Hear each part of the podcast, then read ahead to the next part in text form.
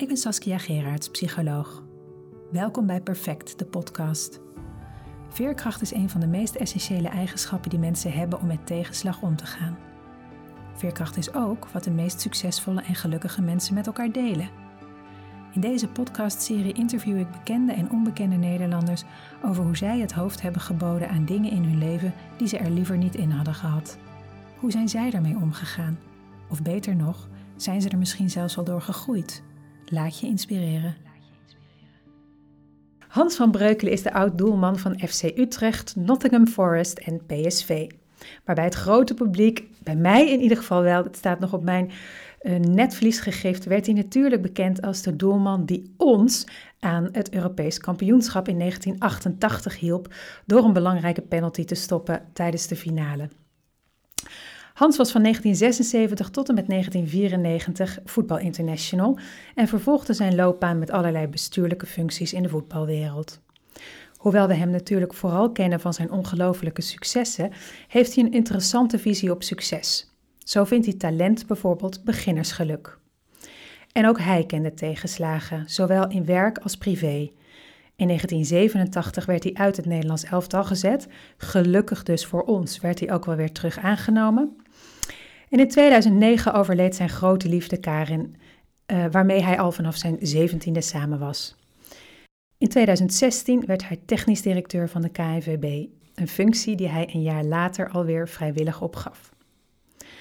Hans schreef ook een aantal boeken, waaronder in 2018 het boek Maak je comeback, vind jezelf opnieuw uit na tegenslag. En daar ga ik het natuurlijk vandaag met hem over hebben. Welkom Hans, wat fijn dat je mijn gast wil zijn. Heel graag gedaan, Saskia. Dankjewel. Hey, dan begin ik meteen met mijn eerste vraag. Wat is jouw definitie van veerkracht? Misschien is dat wel weer uh, teruggaan naar, uh, naar je oorspronkelijkheid. Wie je daadwerkelijk wow. uh, bent en, of die, wie je ontzettend graag wilt zijn. Ik denk dat dat veerkracht is, want mijn ervaring heeft mij geleerd dat ieder mens twee levenslijnen heeft. Mm -hmm. De eerste levenslijn is waar je goed in bent. Dat zijn dus waar je talenten zitten? Ja, dat zijn competenties zou je kunnen uit uh, uh, zo zin neer kunnen zetten. En anderzijds heb je een, een, een, een levenslijn waarin je goed in wil worden. En daar zitten je dromen, je wensen, je ambities. En dat is natuurlijk mooi als die twee levenslijnen. Uh, als die parallel lopen. Ja, maar dat ja. gebeurt natuurlijk uh, niet altijd. Het kan wel eens zijn dat het leven je inhaalt, zoals ik dat dan uh, zo mooi wel eens uitdruk. En dat je dan eigenlijk ja, een klap voor je kop gaat, dat je plat op je bek gaat. Dat je, en wat is dan teruggaan naar die, naar die oorspronkelijkheid? Is dat dan die eerste levenslijn of is dat juist die tweede, dat wat je wil worden? Ik denk dat het altijd een combinatie van die twee is. Als ik voor mijzelf de kunst en de kunde van mezelf neerzet, ja. dan praat ik over kunst. Dat zijn mijn eigenlijk oorspronkelijke eigenschappen. In, in het boek uh, Maak je comeback vraagt Benno Diederiks, de andere schrijver en eigenlijk mijn coach, ja. wat heeft jou die keeper gemaakt die je bent geworden? En dan kom je eigenlijk tot een aantal eigenschappen waar je misschien nu, terugkijkend, niet altijd even trots op bent. Namelijk, uh, ik staat uh, erg, erg vooraan. Ja. Um, ik was Is dat bij iedereen die, een, die iets uh, groots wil bereiken? Moet je daar een beetje egoïstisch voor zijn? Dat geloof ik zeker. Ja? ja ik denk ook dat je een enorme realisatiekracht moet hebben, een daadkracht. Ja, dat, dat is iets anders dan, dan een, een gezond egoïsme. ja, nou ja, ik, je, ik, wat, als ik terugdenk, was ik heel eng bezig. Ik had een mhm. hele duidelijke focus en allerlei ja. dingen om mij heen. Mwah, dat was, uh, maar daardoor ook soms wel blind in een aantal uh, uh, gevallen. En als je dan die eigenschappen hebt, dan kijk je naar door de wereld om je heen ja. en ook de functies die je hebt, kun je daar soms wel eens van wegdrijven. Als ik bijvoorbeeld wat je noemde, de periode bij de KNVB, ja. dan denk ik dat ik vooral bezig was met verbinden op het laatst zelfs heel aan pleasen. Ik ben op, op zich eh, niet zo'n geduldig type. dat is denk ik voor de meeste mensen die zo'n drive hebben. Dat zou kunnen. Ja. en, en daar heb ik nou ja, was ik, was ik meer bezig met een soort van creatiekracht dan met realisatiekracht. Was ik uh, verbinden, was ik zelfs aan het pleasen. Ja, en ik denk dat uh, het altijd een combinatie is van en dicht bij jezelf blijven, de eigenschappen die jij hebt als persoon, in combinatie met wat ik dan noem de sociale vaardigheden die je ook nodig hebt. En uh, de balans ligt altijd in het midden. En, en soms sla je wel eens door, het zij naar je kunst en soms naar bepaalde kunde. Ja. Maar volgens mij gaat het erom dat je uh, een evenwicht vindt waarin wel uh, vooral je, jezelf uh, kunt zijn. En hoe, hoe, hoe doe je dat dan? Hoe, hoe ga je terug naar die oorspronkelijkheid, denk je? Zie je dat zelf op een gegeven moment in volgens jou? Of moet je daarop geattendeerd worden? Ik denk dat ook dat een combinatie is. allereerst voel je het. Dat mhm. je op een of andere manier toch iets hebt van, dit bevalt me niet. Dat het stemmetje zo diep in jezelf. Ja, maar ja, wat dat betreft hebben we natuurlijk allemaal uh, onze stemmetjes. Ja. En uh, de ene keer geef je dat een enorme boost en, en vertrouwen en, en, en, en zaken die je kunt bewerkstelligen. En tegelijkertijd is het ook een, een stemmetje dat je zelf ongelooflijk veel blokkades oplegt en beperkingen oplegt en niet uitgaat want dat stemmetje waarvan je zegt van je weet eigenlijk wel diep van binnen dat je dan niet, niet op het goede pad zit. Hoe onderscheid je dat dan van die, die nou misschien soms wel kritische stem, maar die je toch ook die schop onder je kont af en toe uh, geeft? Dat zijn denk ik twee verschillende stemmetjes. Dat, dat, dat klopt, maar uh, het, het gevoel wordt natuurlijk enorm uh, gevoed door je gedachten. Uh, ja, dus dat, de basis van de cognitieve psychologie. Dat dit, is, wat je ja, precies. En, uh, en daarmee, uh, je gevoel geeft dan weer, heeft dan weer een bepaald gedrag tot gevolg. Ja. En, ehm, en als je dan jezelf in een bepaald gedrag tegenkomt waarvan je toch niet het gevoel hebt, nou, dat, dat ben ik echt. Alleen mhm. door omstandigheden moet ik blijkbaar zo zijn. Precies. Dat denk je jezelf in. Ja. Ja, dan kom je in een spagaat te zitten. En dat is voor een kerel zeker niet prettig. Zelfs in het doel niet. Nee. Wat Hans hier beschrijft is de cognitieve gedragstherapie. Hierin gaan we uit van het principe dat het niet de gebeurtenissen zijn die bepalen wat voor lading iets voor je krijgt, maar juist je eigen gedachten erover.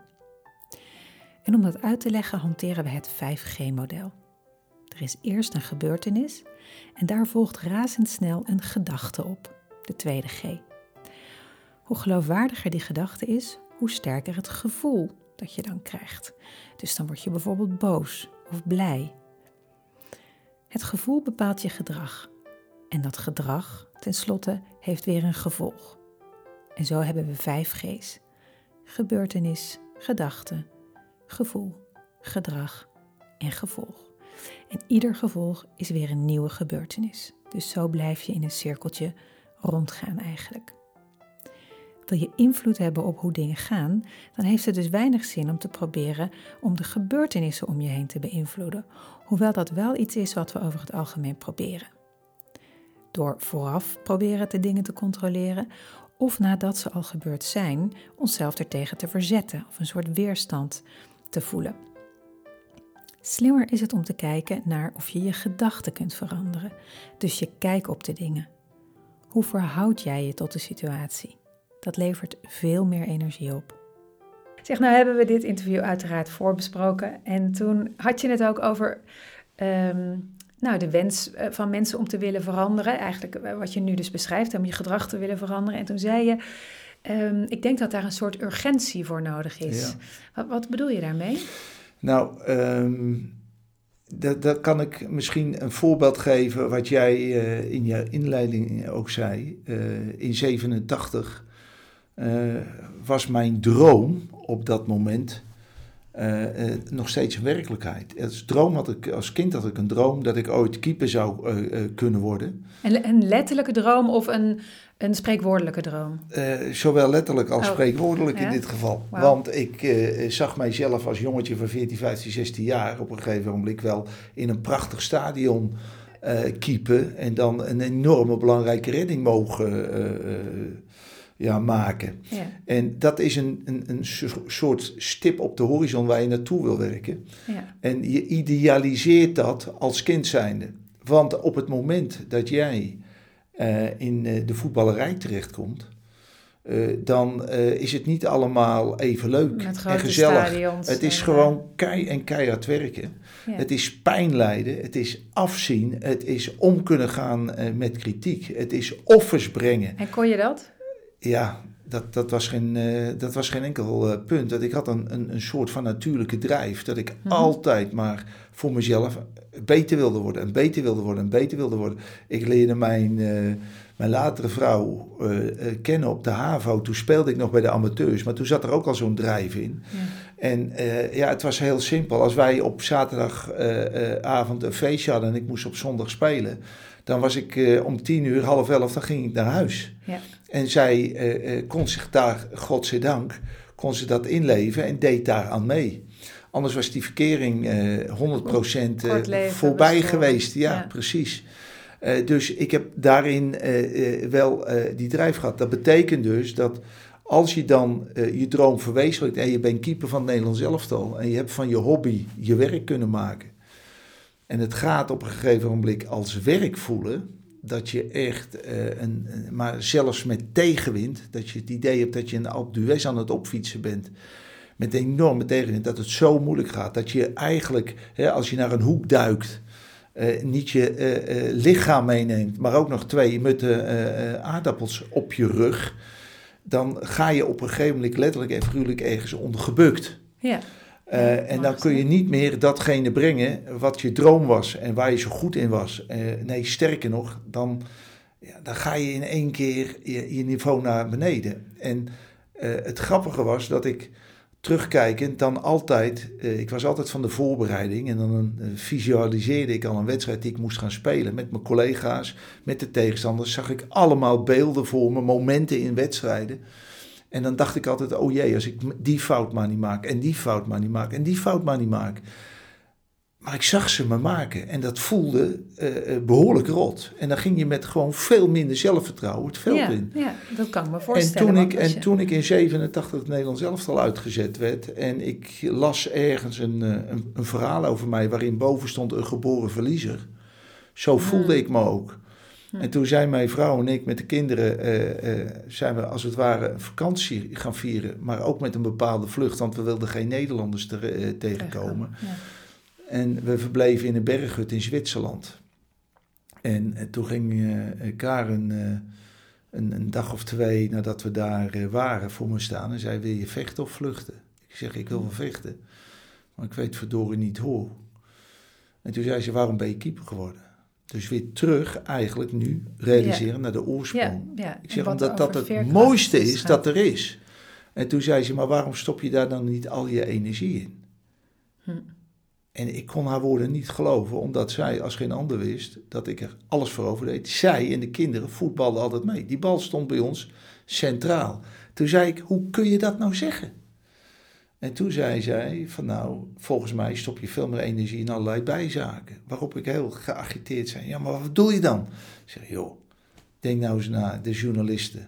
Hoeveel energie stop jij daar niet in? Denk je nou echt dat die journalisten anders gaan schrijven, gaan praten over jou omdat jij dat wilt? De enige die je kunt veranderen, ben jezelf. En als jij jouw droom wil waarmaken, dan zul je alleen maar je energie eh, moeten stoppen in zaken die jij kunt beïnvloeden. Dus laat de rest lekker lopen. Karen attendeert Hans op zijn neiging om te vluchten. En die kennen we natuurlijk allemaal, de bekende fight, flight en freeze reactie. Het zit van nature in je. De een doet een stapje naar voren bij narigheid, de ander juist een stapje terug. Maar wat Karen eigenlijk nog meer bedoelde, was zijn neiging om vermijdingsgedrag te vertonen. Bezig te zijn met dingen waar je helemaal geen invloed op hebt En dat levert natuurlijk nooit het gewenste resultaat op. Dingen uit de weg gaan levert schijnveiligheid op. Op de korte termijn geeft dat je rust, zoals in Zwitserland gaan zitten in het geval van Hans, maar op de lange termijn zorgt het ervoor dat je niet kunt bereiken wat je echt wilt. En dat je ook niet kunt checken waar je echt bang voor bent. Hans ging dus verkeerd gedrag vertonen. Hij noemde dat eerder ook wel pleasen. En dan voel je je achteraf niet prettig. En in plaats van dit gevoel weg te wuiven, kan het je juist heel goed informeren over wat voor jou belangrijk is. Veerkracht is dus even in de luwte je wonden likken, informatie halen uit je negatieve emoties en tenslotte weer een stapje naar voren doen met een ander gedrag om zo een ander resultaat te bereiken. Wat je beschreef, wat daar in Zwitserland eigenlijk gebeurde, was ehm, dat je je snel herpakte na een, een uh, tegenslag. Is, is, is snelheid daarin uh, voor jou belangrijk bij dat teruggaan naar die, naar die oorspronkelijkheid? Of mag daar best ook wel wat tijd overheen uh, gaan? Nou, ik denk dat, dat het te maken heeft met die urgentie. Mm -hmm die snelheid bij mij in, in Zwitserland was geboden. Ja. Maar naar de KNVB heb ik er wel een half jaar over gedaan om uh, weer terug te komen van wat ik daadwerkelijk wilde. Ja. Namelijk niet alleen maar uh, golven en reisjes maken en uh, gezellige dingen doen. Nee. En, uh, ja, en dan kom je met Benno in, in contact. en die heeft zich eigenlijk als een soort, zoals mijn vrouw in 87, heeft hij zich als het ware als een coach opgesteld. Omdat hij die methode had van maak je comeback met die acht verschillende stappen. Waarop ik zei van nou pas die maar op mij toe.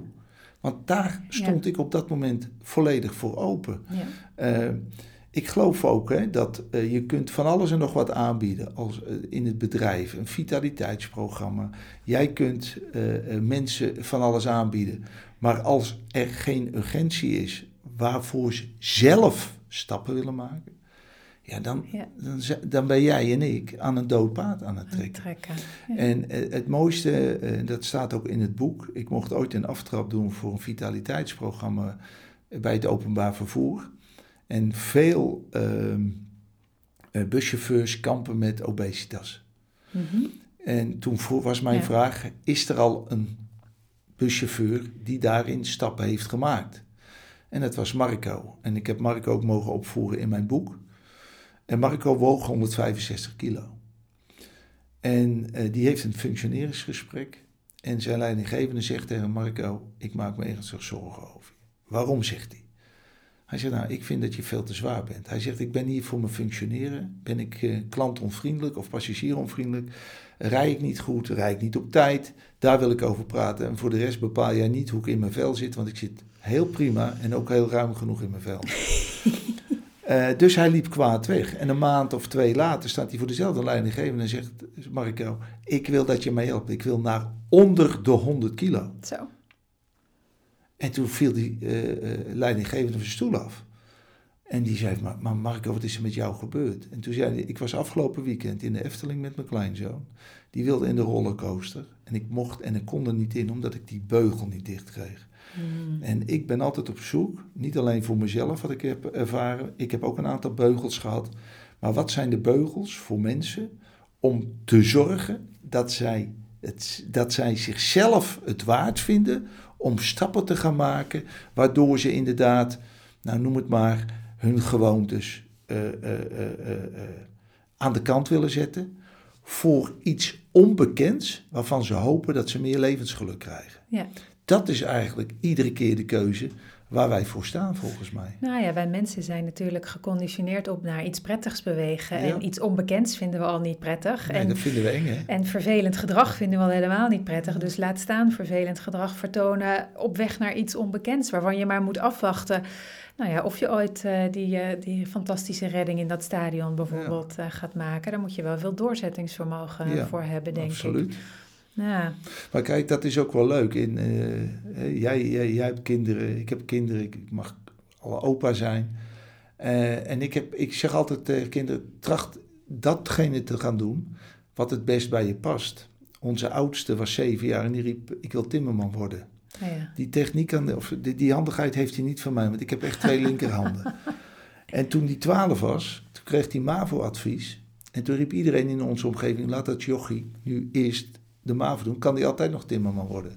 Maar we woonden in de buurt van Eindhoven en in België, maar zei ik, was een school. Daar kon hij een zesjarige uh, opleiding krijgen voor houtbewerker. En hij had al uitgemaakt dat hij daar naartoe wilde. Wow. En uh, hij is uiteindelijk uh, een vakman uh, puur zang geworden. En sinds vijf jaar heeft hij met een compagnon een bedrijf. En is hij echt doorgegroeid naar ondernemer. En dat ventje heeft altijd met plezier zijn werk gedaan. Ja. Het maken, het plaatsen, de, het plezier. En als wij dan gezegd hebben, ja, je moet eerst naar de MAVO. Neem niet weg dat ook hij periodes heeft gekend tijdens zijn studie. En ook nu in het ondernemerschap. Die niet, dat niet altijd feest is. Nee. Uh, als mensen zeggen, ja, werken moet leuk zijn, dan zeg ik, ja, dat is een, een prettige bijkomstigheid. maar dat is niet het uitgangspunt. Juist. Ik bedoel, als jij iets wil bereiken, dan is het niet altijd leuk. Dan gaat het juist om momenten dat je tegenslag hebt, dat om te zetten, om je daarin te verbeteren, inzicht te krijgen.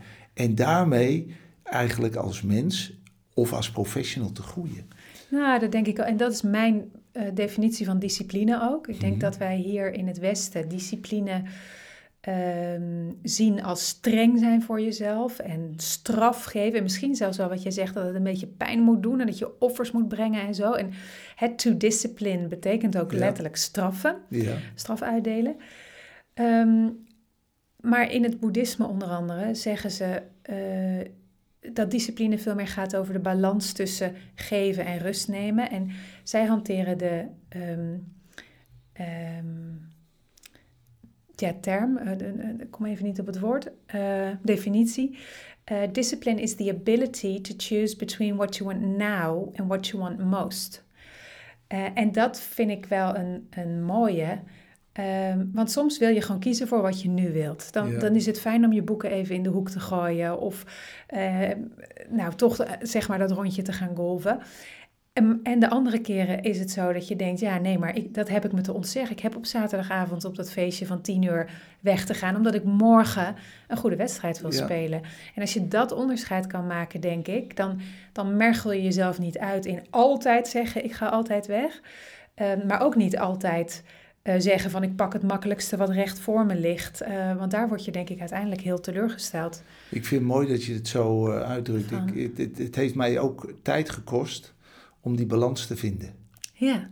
Want, ja, want je uh, beschrijft jezelf als heel perfectionistisch. Ja, ook. En, daardoor ben je ook tegelijkertijd de grootste concurrent van jezelf. Absoluut, want ik is... Want, en het is natuurlijk ook raar als je perfectionist bent, dan, dan wil je iedere keer de lat hoger leggen. En als, als, als doelman is dat natuurlijk ook heel dom, omdat je daarmee... is wel, Je hebt veel mooie woordspraken uh, als je ja, doelman ja, bent. Ja, nee, maar dat, je kan er alle kanten weer uit. Maar dat is natuurlijk... Um, dat is het verhaal. Aan de andere kant zeggen mensen wel eens tegen mij: ja, als jij niet zo, noem het maar, bezeten bijna. Uh, zo met je vak had je dat, dat niveau gehaald. Ja, en dat is dus wat mij fascineert. En dat weet ik dus niet. Nee. En dat weet ik niet. Want oh, weet je, ik heb zo vaak alles aan de kant geschoven. Ook ter voorbereiding op een wedstrijd. Dat ik mezelf nooit een een verwijt kon maken dat ik slecht had gespeeld of een blunder had gemaakt, ja. omdat ik me niet optimaal had voorbereid. En ja, dat was, ja, dat is bijna neurotisch als je erover over, aan, aan, terugdenkt. Ja. En, ehm, en dat heeft me ook misschien bijna zelfs mijn plek in Nederland zelf gekost. Nou, ik kan me voorstellen, ik zat dit interview dus voor te bereiden en toen dacht ik, um, vanuit mijn invalshoek denk ik dat perfectionisme eigenlijk misschien wel het tegenovergestelde van veerkracht is. Want het, het neigt ook een beetje naar koppigheid en naar, dus, naar verbetenheid en het doel uit, uit het oog verliezen. Ja, daar heb je ook weer een mooi beeld Heb je ook, ja, hè? ja ik, ik, ga er nog meer verzinnen, ja, ik vind het echt heel leuk. Um, nee, maar dat klopt wat je zegt. Uh, want juist dan uh, dan als je maar perfectionistisch bezig bent. Dat, ik heb het zo ervaren, Saskia, dat op het moment dat ik een doelpunt tegenkreeg, dan maakte ik daar soms een halszaak van. Hm. Terwijl er gewoon ballen zijn die onhoudbaar zijn. Ja. Dat moet je gewoon kunnen accepteren. Ja. En, en, en, en vanuit dat perfectionisme was je altijd aan het nadenken: wat had ik kunnen doen? Wat had Ja. ik zus? Had ik beter moeten coachen? Had ik beter zus? Had ik anders moeten staan? Had ik.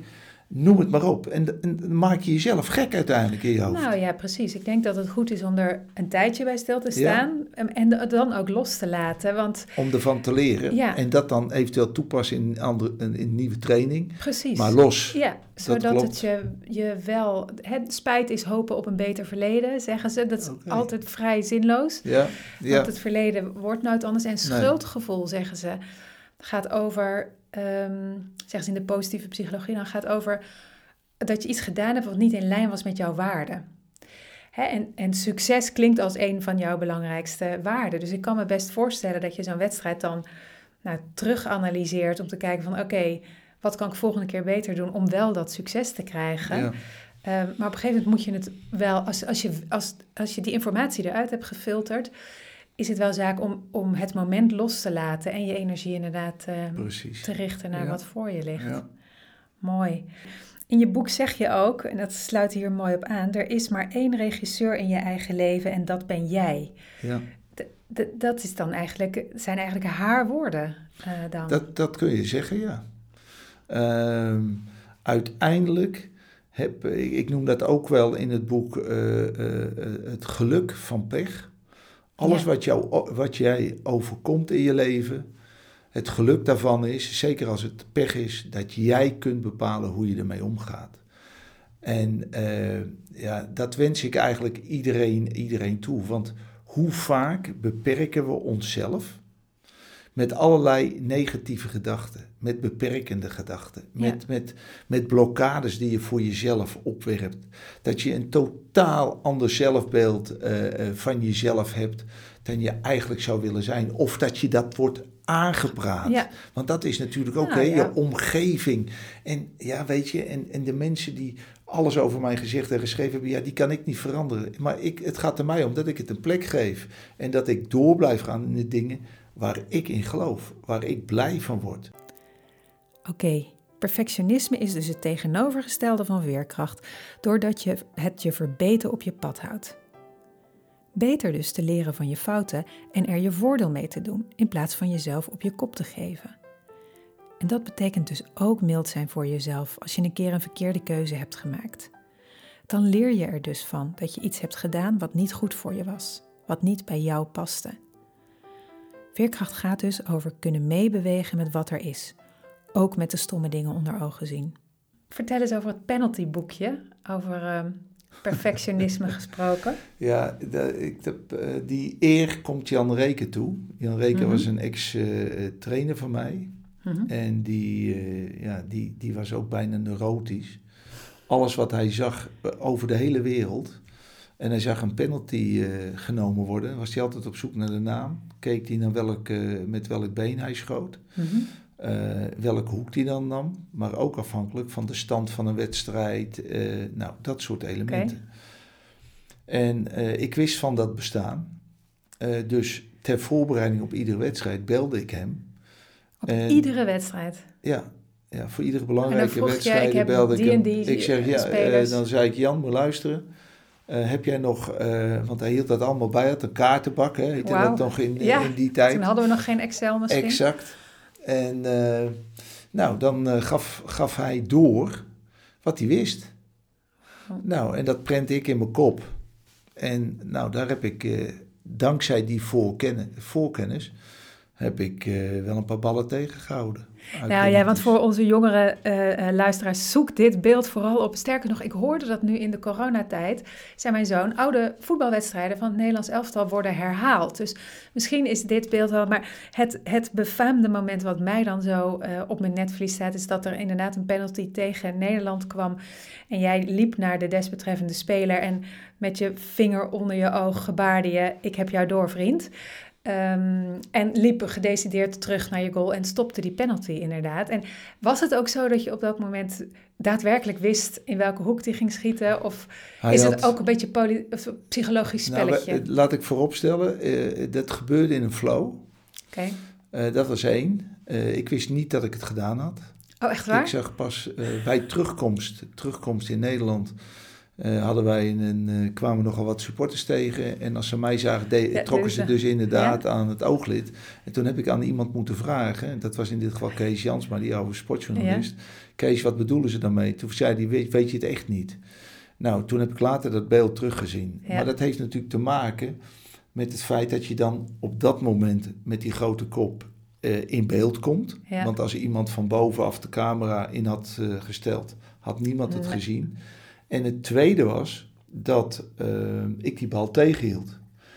Zo dun is succes Ja. en teleurstelling ligt het ook bij elkaar. Want als hij die tegenstander gewoon in een andere hoek had geschoten...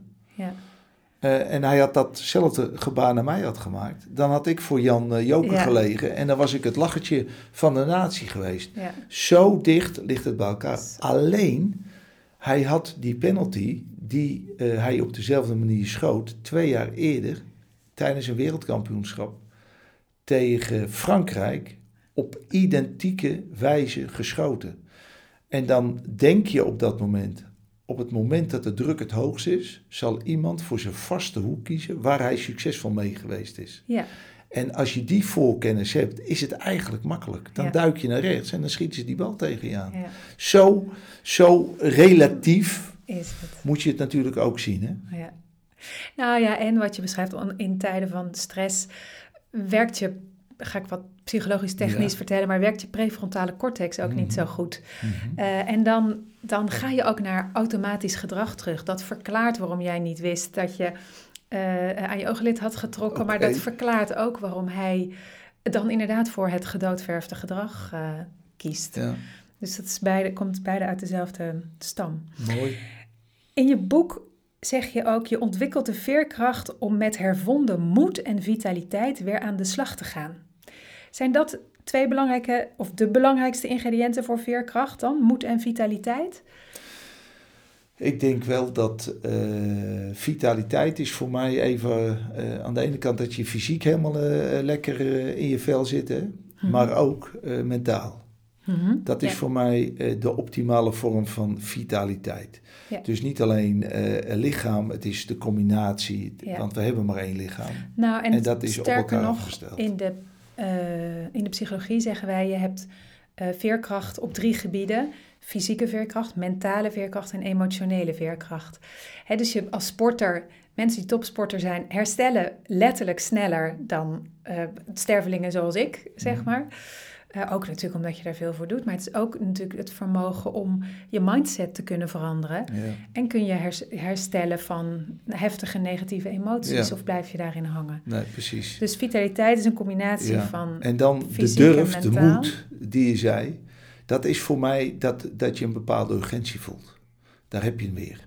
Dat je als het ware toch de lef toont om iets te kiezen voor iets onbekends. Ja, In plaats van dat je in een situatie blijft zitten waarin je je niet echt comfortabel voelt, maar dat het eigenlijk wel acceptabel is voor jezelf en, en voor je omgeving. ja, dat het lekker comfortabel is. Precies. Ja. En eh, ja, ik, ik ben altijd wel op zoek geweest om voor mezelf eh, bepaalde grenzen eh, te verleggen. En daar had je soms wel bepaalde moed of durf voor nodig. Want na dat jaar KNVB ehm, en de gesprekken die ik met Benno had gehad, was op een gegeven moment de vraag: zullen we dit in de boekvorm gaan uitbrengen? Ja, En dat is best kwetsbaar. dan krijg je aan de ene Ja. kant, inderdaad, krijg je aan de ene kant weer dat idee van, ja, maar dan kom ik weer met mijn kop boven het maaiveld uit Mhm. en dan zullen er weer een aantal mensen je kop eraf schieten.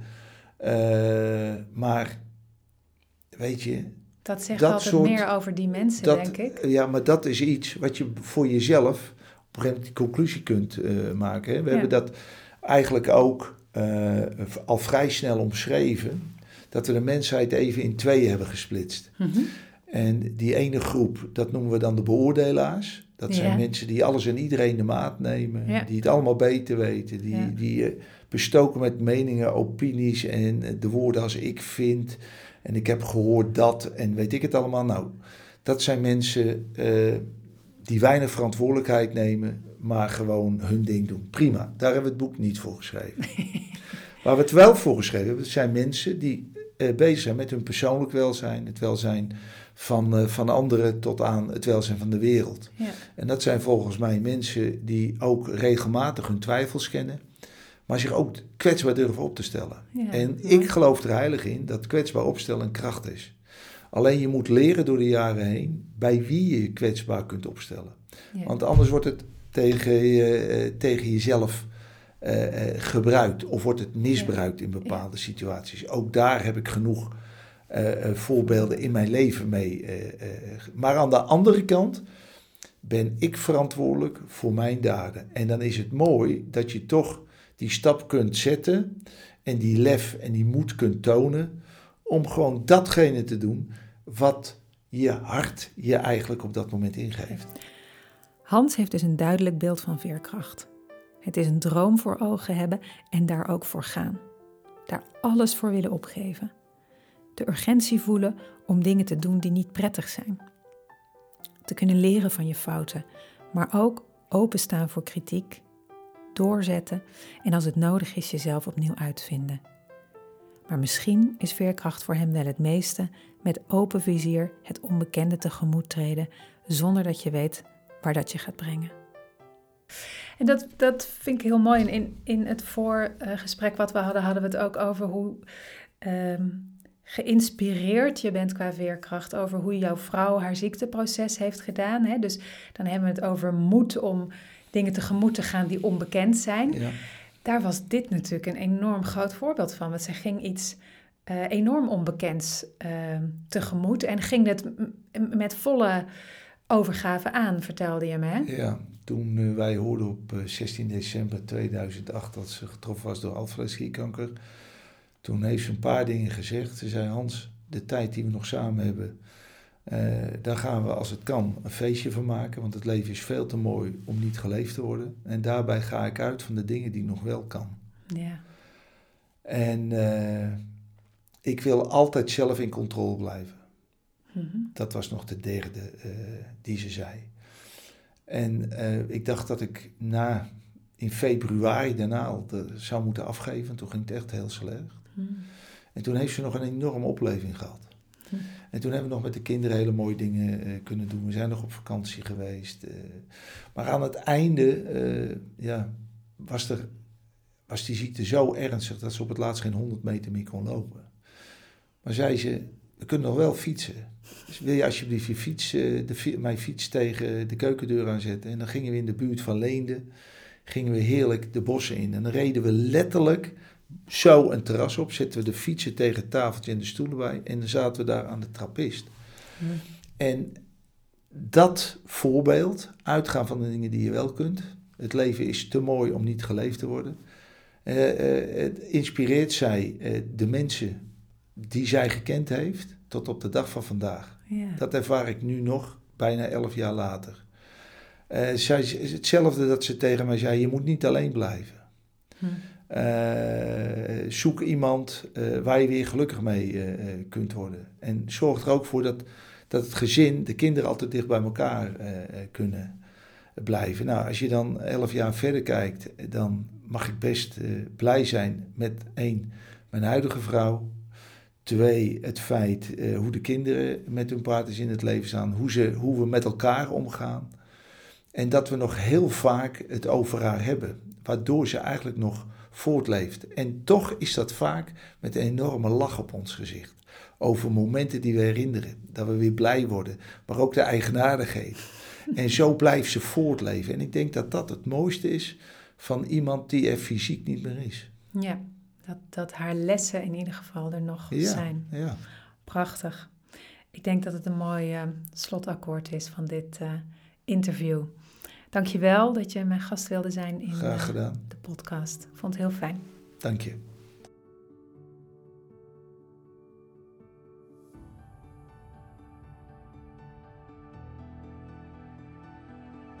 Ik ben Saskia Gerards en jij hebt geluisterd naar Perfect de podcast.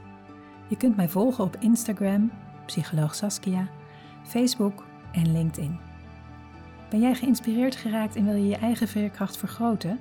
Meld je dan aan voor mijn online academy op www.saskiagerards.nl/veerkracht.